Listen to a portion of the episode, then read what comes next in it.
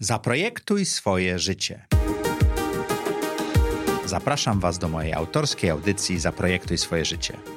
Przedstawiam osoby, które podjęły nietuzinkowe wyzwania życiowe i biznesowe. Rozmawiamy o tym, co nas napędza i dokąd zmierzamy.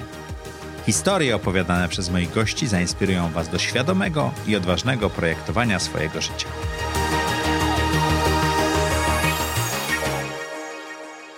Cześć! Dzisiaj druga część e, pytań do Macieja. Zadaliście bardzo dużo pytań, podzieliliśmy ten odcinek na dwie części.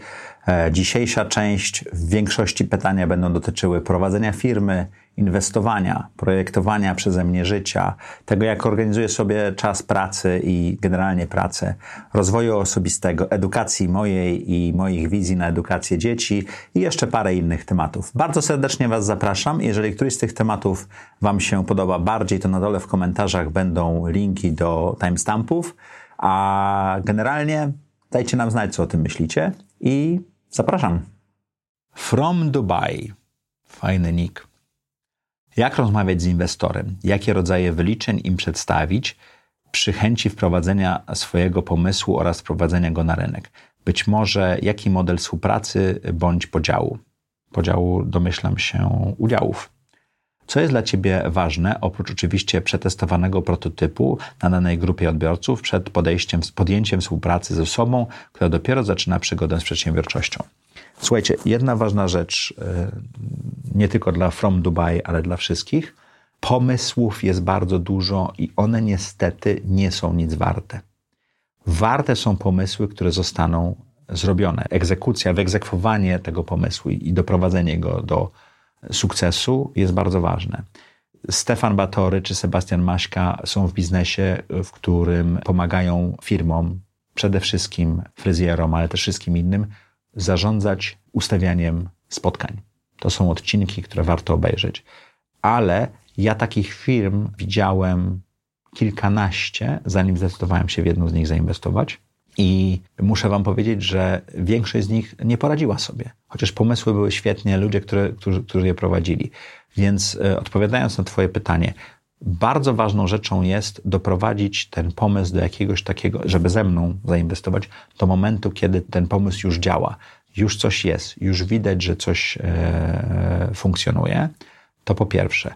Po drugie, jeżeli szukasz inwestora, to bardzo zależy od tego, czego od niego oczekujesz. Jeżeli oczekujesz tylko pieniędzy, to ilość udziałów, które możesz e, dać, z pewnością będzie trochę mniejsza niż jeżeli oczekujesz pieniędzy i wiedzy i czasu tego inwestora, za to też trzeba zapłacić.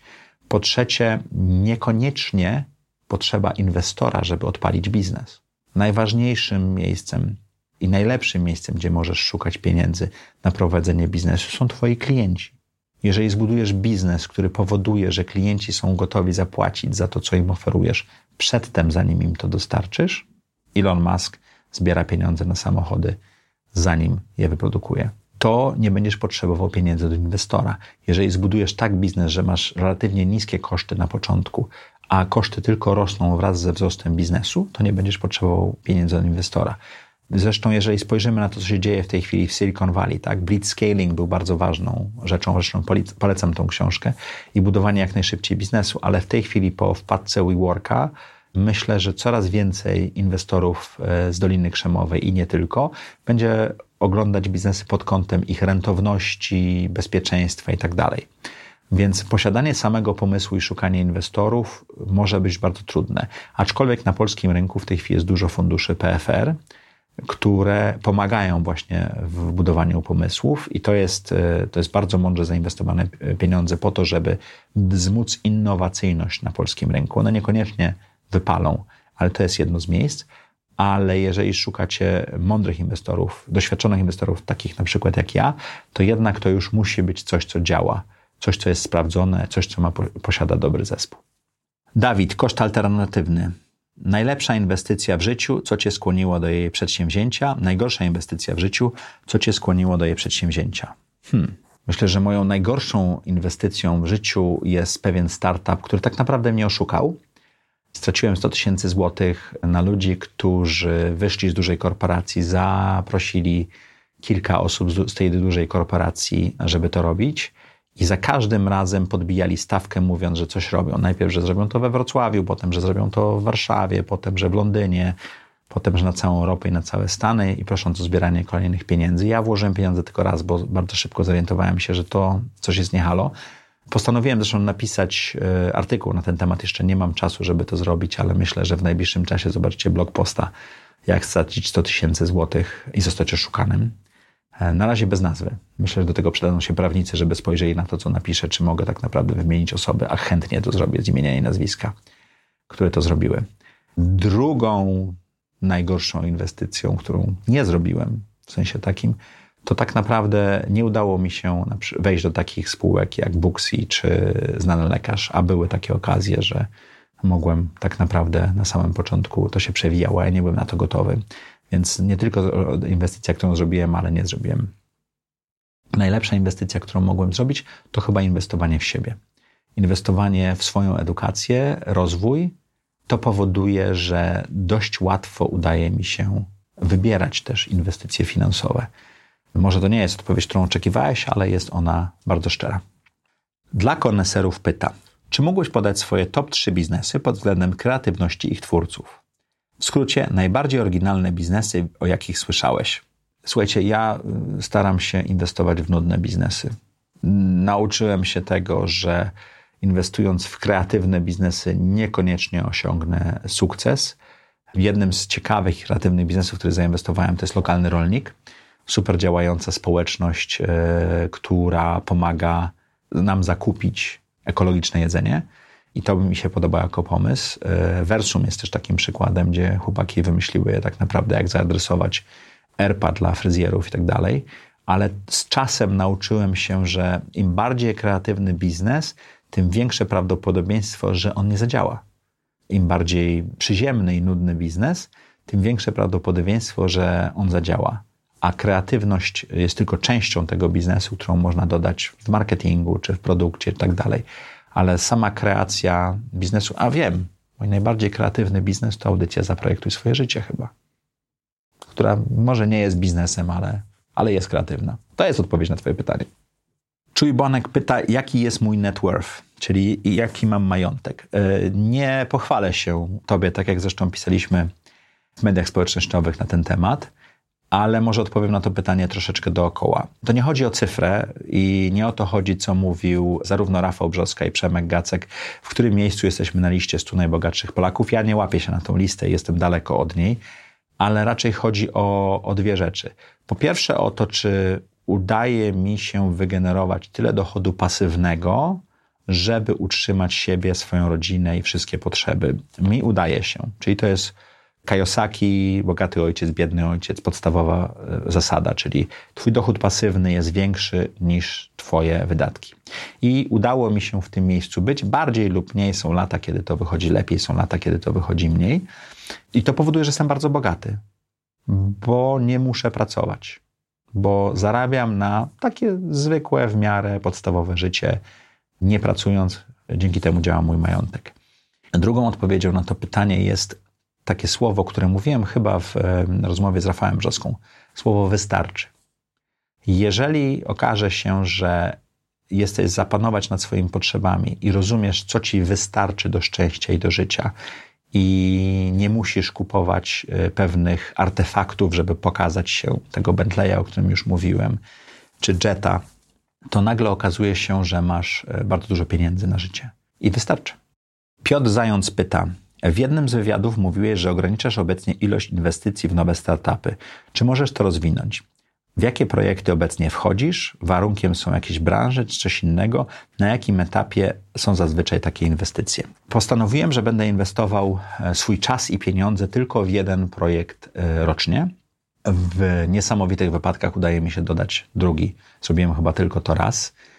I rzeczywiście to działa. Warren Buffett kiedyś mówił, że mamy 5 czy 8 czy 6 e, nabojów w pistolecie i tak naprawdę e, jedną tarczę i powinniśmy bardzo na to uważać. Ja w swojej, początku swojej kariery jako anioł biznesu inwestowałem w kilkanaście chyba rocznie w pierwszym i w drugim roku startupów i muszę wam powiedzieć, że większość z nich padła albo jest na etapie padania z bardzo prostej przyczyny. Nie dobieramy dobrze projektów, jeżeli mamy za dużo czasu i pieniędzy na to, żeby i za dużo wiary w to, że się wydarzą. Jeżeli chodzi o etap inwestycyjny, ja inwestuję w pomysły na etapie seed, czasami pre-seed, czyli w momencie, kiedy te firmy startują i już zaczynają coś robić, ale jeszcze są przed etapem, w którym będą szukały pieniędzy od szerszego grona aniołów biznesów czy funduszy.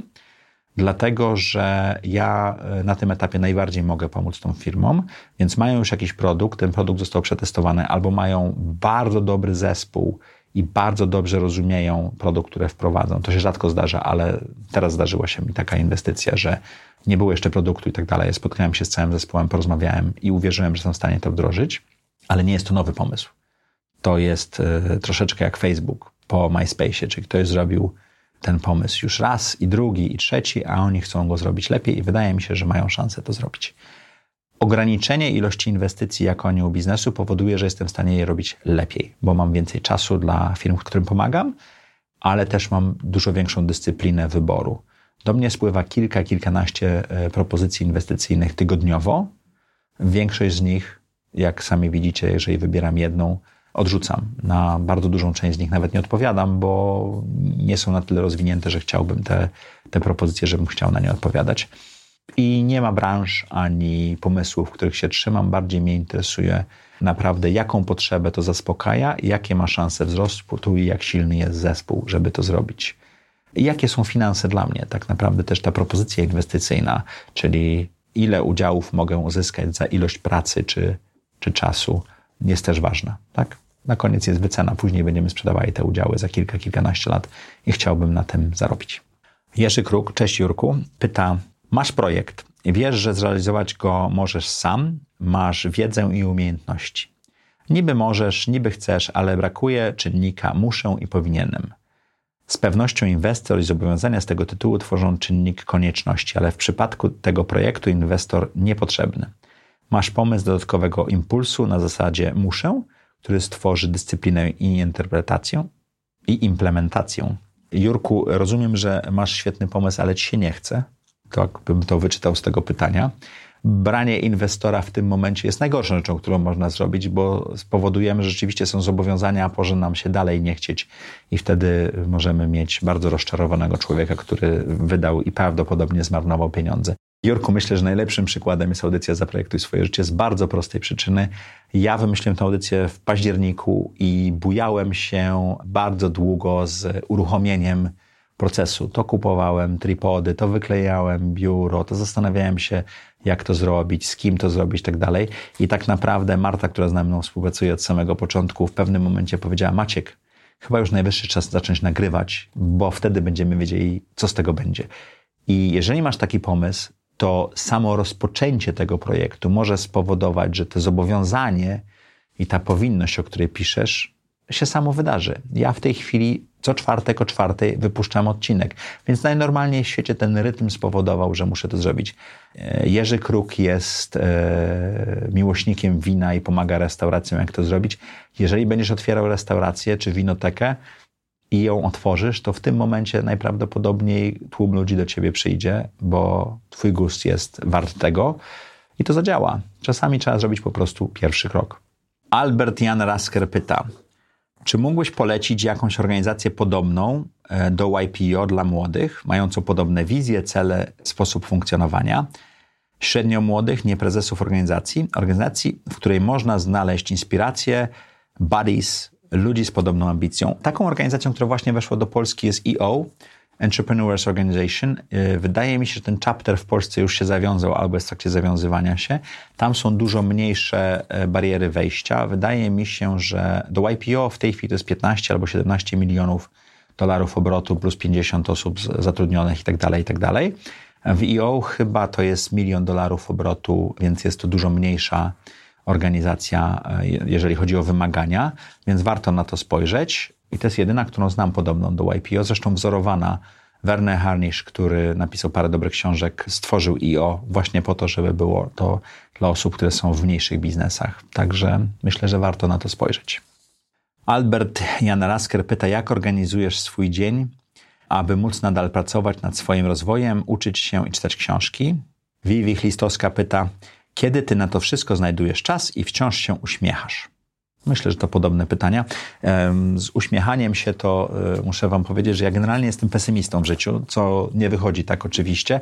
Ja swojej Annie mówiłem, e, jak się poznaliśmy, że generalnie jestem pesymistą i życie to ser, a ser składa się z sera właściwego i z dziur, a ja zajmuję się dziurami, czyli rozwiązywaniem problemów, zadawaniem trudnych pytań, więc czasami jak mnie widzicie takiego uśmiechniętego, to niekoniecznie jest to, co się tutaj z tyłu dzieje. A jeżeli chodzi o organizację czasu, ja tak naprawdę nie staram się zrobić za dużo i nie staram się wrzucić. Używam dzięki e, zresztą naszemu gościowi e, Adamowi Jesienkiewiczowi Bullet Journal, czyli takie starodawne pisanie. Ja próbowałem siedmiu czy ośmiu aplikacji do tasków i zadań. W tej chwili wszystkie poszły w odstawkę i mam najnormalniej w świecie zwykły notatnik i piórem, czy też cienkopisem wypisuję sobie zadania na dany dzień i obszary na dany tydzień i miesiąc i kwartał, które chcę poruszyć i to działa.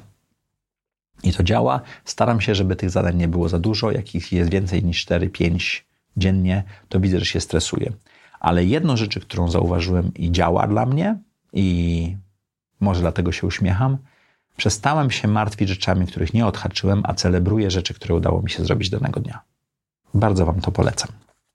Albert Jan Rasker mówi, jak zacząć rozwijać wiedzę i umiejętności praktyczne w finansach osobistych, gdzie zacząć, jak zacząć, gdzie nauczyć się podstaw. Jest parę książek, które polecam. Myślę, że finansowy ninja Szafiego jest jedną z ciekawszych polskich pozycji, które warto zrobić. Tam jest dość jasno rozpisane, jak zająć się finansami i to zrozumieć. Bogaty ojciec i biedny ojciec Roberta Kiyosakiego, e, książka, która mówi o dochodzie pasywnym, bardzo polecam. Sławek Muturi, który był gościem e, audycji, napisał kilka, jeśli nie kilkanaście książek o wolności finansowej.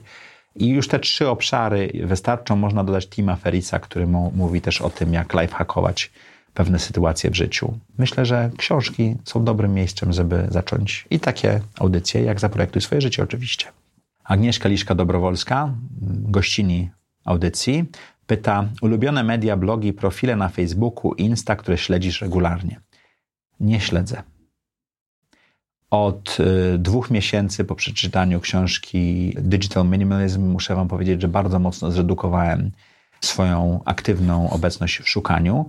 Również po przeczytaniu kilku artykułów o tym, jak bardzo y, jesteśmy manipulowani przez y, media, poszukałem sobie kilku, kilkunastu gazet i czasopism, które śledzę i czytam. Pismo w Polsce jest takim odpowiednikiem New Yorkera i New Yorker po angielsku, które czytam i to są dla mnie opiniotwórcze.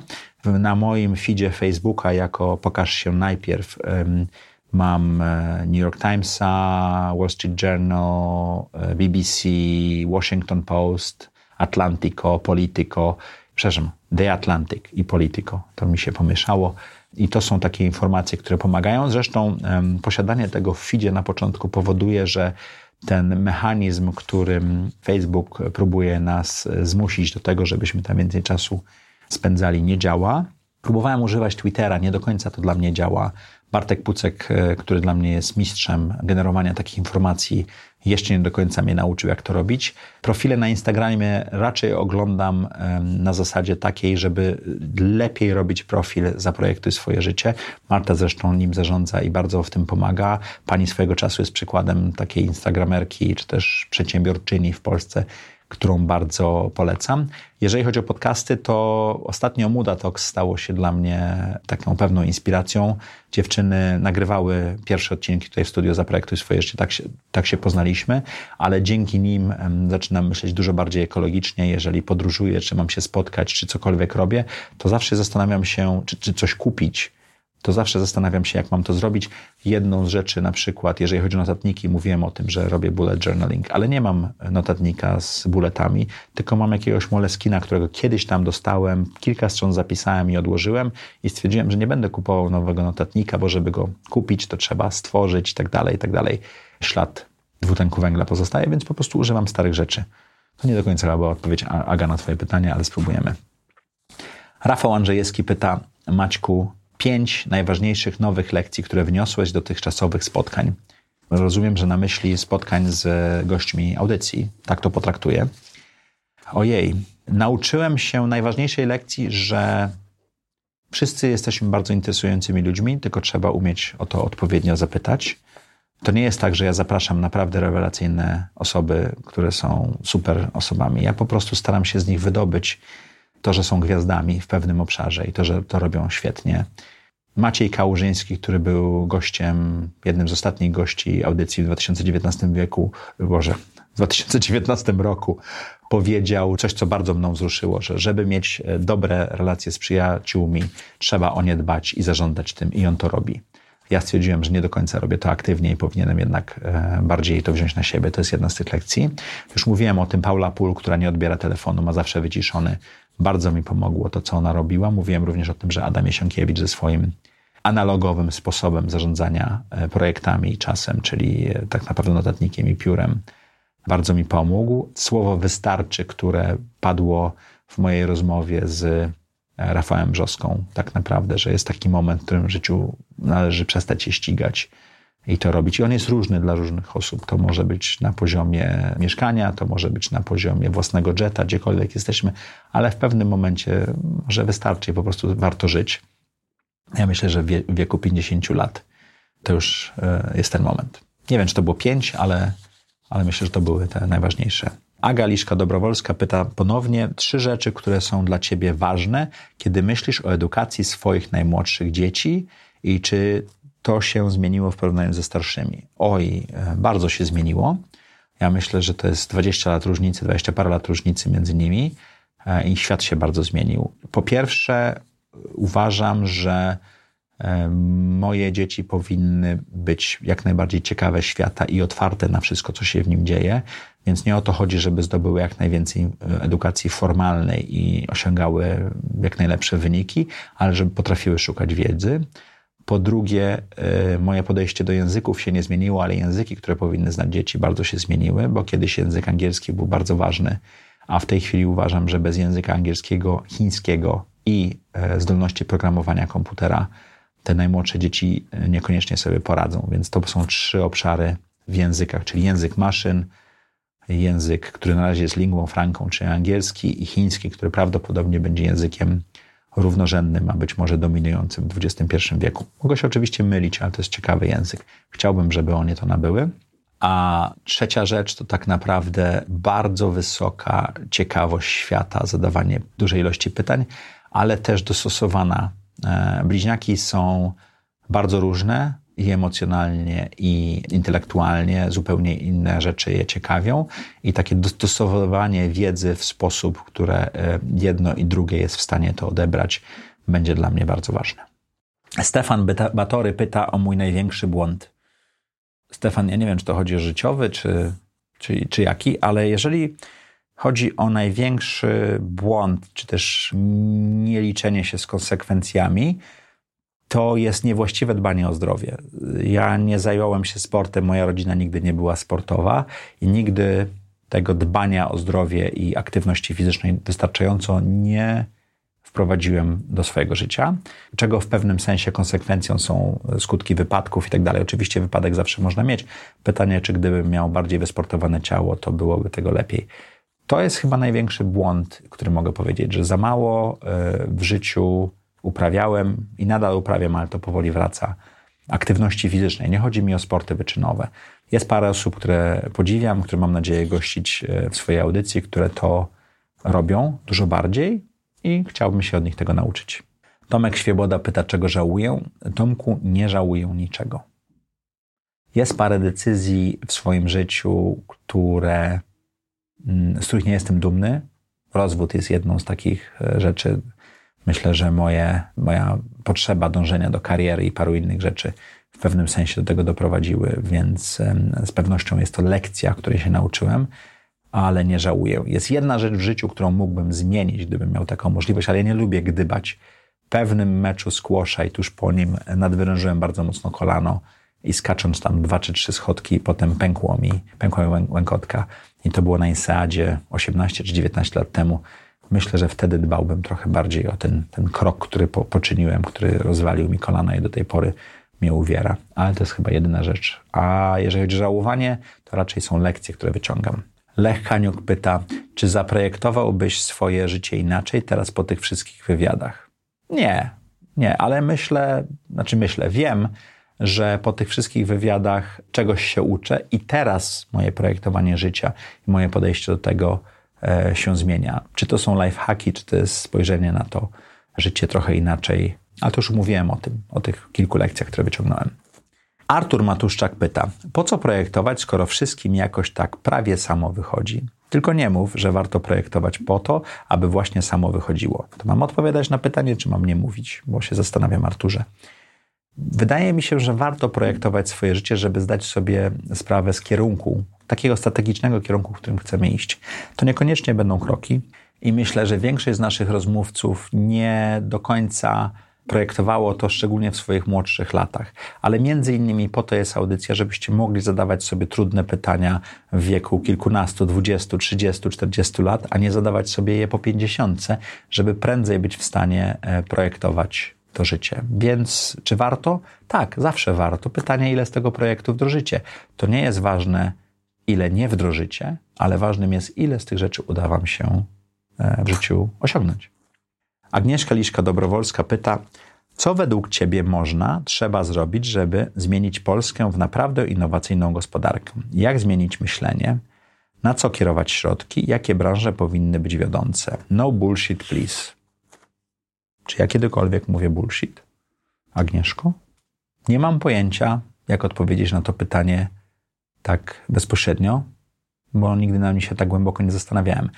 Wydaje mi się, że to, co robimy w tej chwili przez wspomaganie przedsiębiorczości, czy ilość startupów, które się pojawia, jest dość ważne. Prowadzenie biznesu w Polsce jest trudne. Ilość regulacji, wizyt w urzędach i tak dalej jest upierdliwa. To oczywiście można delegować, ale nie jest aż tak trudne, jakby mogło się to wydawać. Jest na pewno lepsze i prostsze niż to było za PRL-u. Obszary, w którym powinniśmy się rozwijać, tak patrząc długoterminowo, 20, 50, 70 lat, ja myślę, że siłą Polski była ilość inżynierów, które mieliśmy. W tej chwili tego niestety nie mamy, ale spójrzmy na obszary, które będą się rozwijały. Biotechnologia czy genetyka. To są obszary, które będą bardzo ważne. Inżynieria materiałowa to jeden z najciekawszych obszarów, który może się rozwinąć. Jeżeli pomyślicie o tym, co będzie się działo w ciągu najbliższych dekad, jak rozpoczniemy latanie regularne na Księżyc, potem na Marsa, to inżynieria materiałowa będzie jednym z ciekawszych i trudniejszych aspektów do, do zrobienia tego. Jak wysłać ma, małego robota na steroidę, żeby zbudował z tego, co tam znajdzie, większego robota i tak dalej, i tak dalej, i tak dalej. To będzie bardzo trudne do zrobienia i do tego będą potrzebni inżynierowie. Na pewno będzie ważne generalnie komunikacja z maszynami. Czy jest to AI, czy jest to programowanie, czy tego typu rzeczy. Więc to są obszary, w których powinniśmy się rozwijać. Mam nadzieję, że to nie jest bullshit dla Ciebie, PiS. Ale jedną z najciekawszych rzeczy tak naprawdę to twórzmy własne firmy i rozwijajmy z nie. Co któraś z nich stanie się średnią firmą, a co któraś z tych średnich firm może stać się liderem rynku. I te firmy będą wspomagały polską gospodarkę. Ja już kiedyś to mówiłem chyba, E, zaskoczyła mnie Bydgoszcz w pewnym momencie, szczególnie rynek, który był bardzo odnowiony i tak dalej. I wtedy zdałem sobie sprawę, że e, jednym z sukcesów tego obrazu Bydgoszczy jest rodzina Sowów, która e, tworząc cukiernię w całej Polsce, ściągała te pieniądze tam i inwestowała w tym miejscu. Jeżeli pracujemy na zachodnich korporacji, czy w moim przypadku Della czy Samsunga, to te zyski wypracowane wracały czy do Teksasu, czy do Seulu. I w Teksasie uniwersytet rozwijał się, w Seulu, Seul się rozwijał i wszędzie tam, gdzie był Samsung. Jeżeli tworzymy polskie firmy, to bardzo często nadwyżki finansowe inwestujemy w Polsce i one będą generowały ten rozwój. Jedną z rzeczy, której najbardziej brakuje w Polsce, to właśnie kapitału. Monika Mikowska, gościni zarówno za projekty swoje życie, jak i nieco dziennika, pyta się, co byś zrobił, gdybyś się nie bał.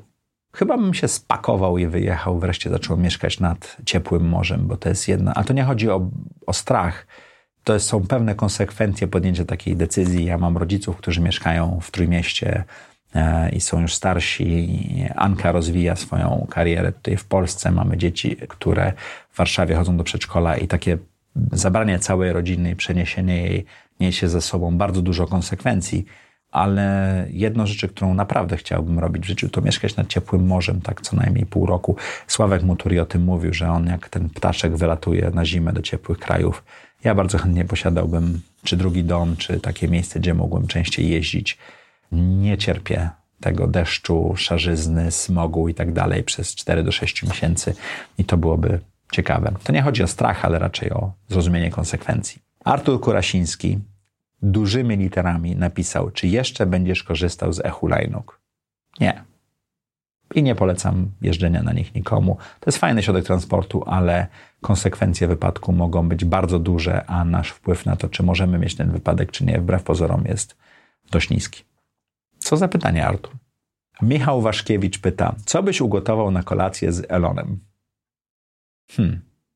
Ja myślę, że jedną z niewielu potraw, które umiem zrobić dobrze, to jest tagliatelle ze szpinakiem i z gorgonzolą. To jest potrawa, która wygrała mi serce Anny, więc może Elon by się też dał skusić i wygrałbym jego serce.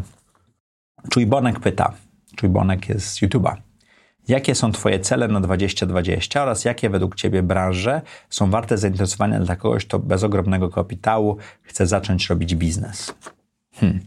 Dwa różne pytania. Jak już wspominałem chyba w blogpoście o hulajnogach, moim celem na 2020 takim nadrzędnym będzie moje zdrowie fizyczne.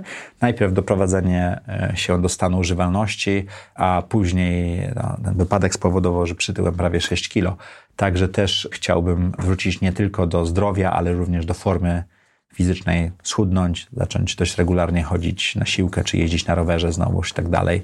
Prawdopodobnie czeka mnie jeszcze operacja kolana, więc zobaczymy, czy to zrobię w 2020, ale e, generalnie zdrowie fizyczne, samopoczucie i sprawność. To jest główny cel.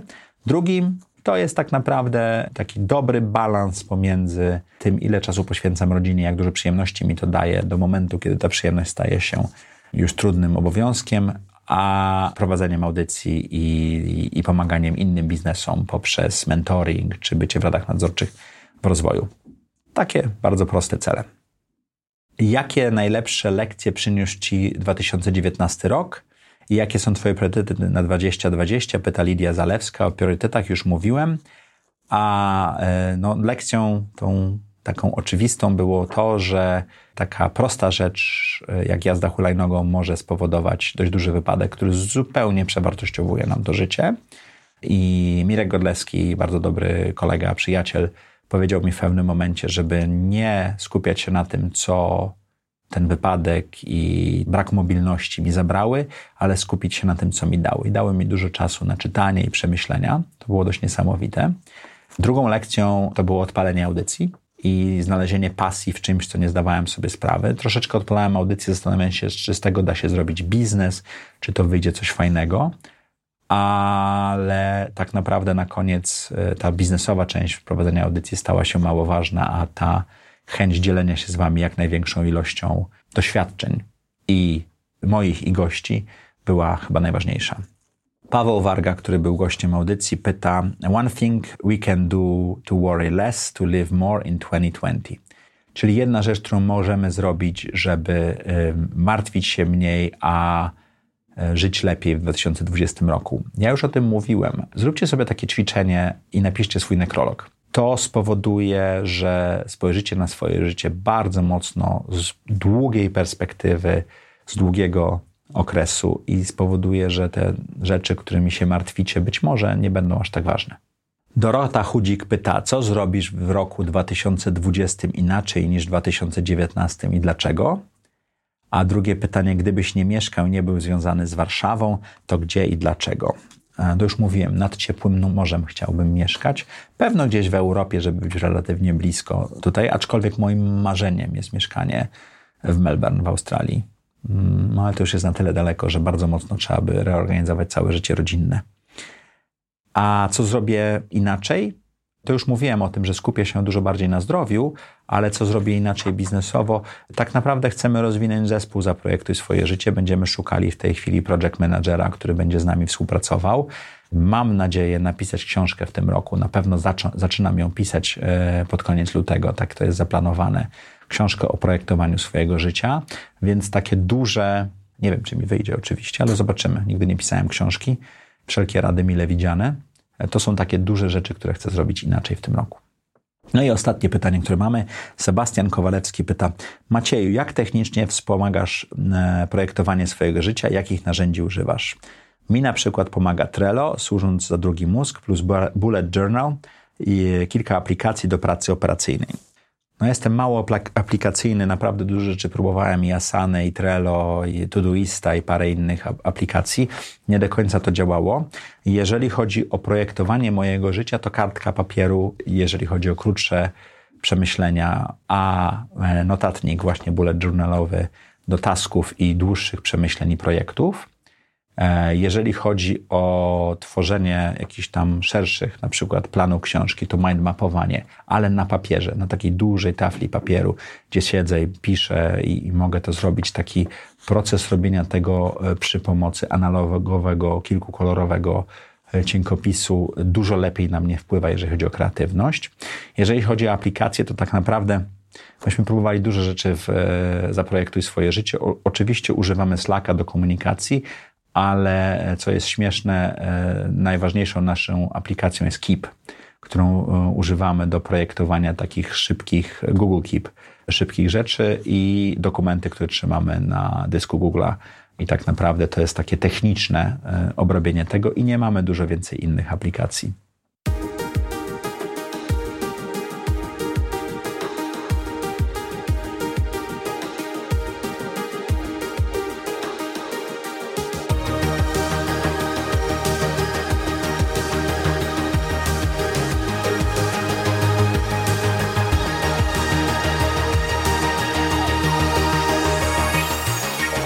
Zaprojektuj swoje życie.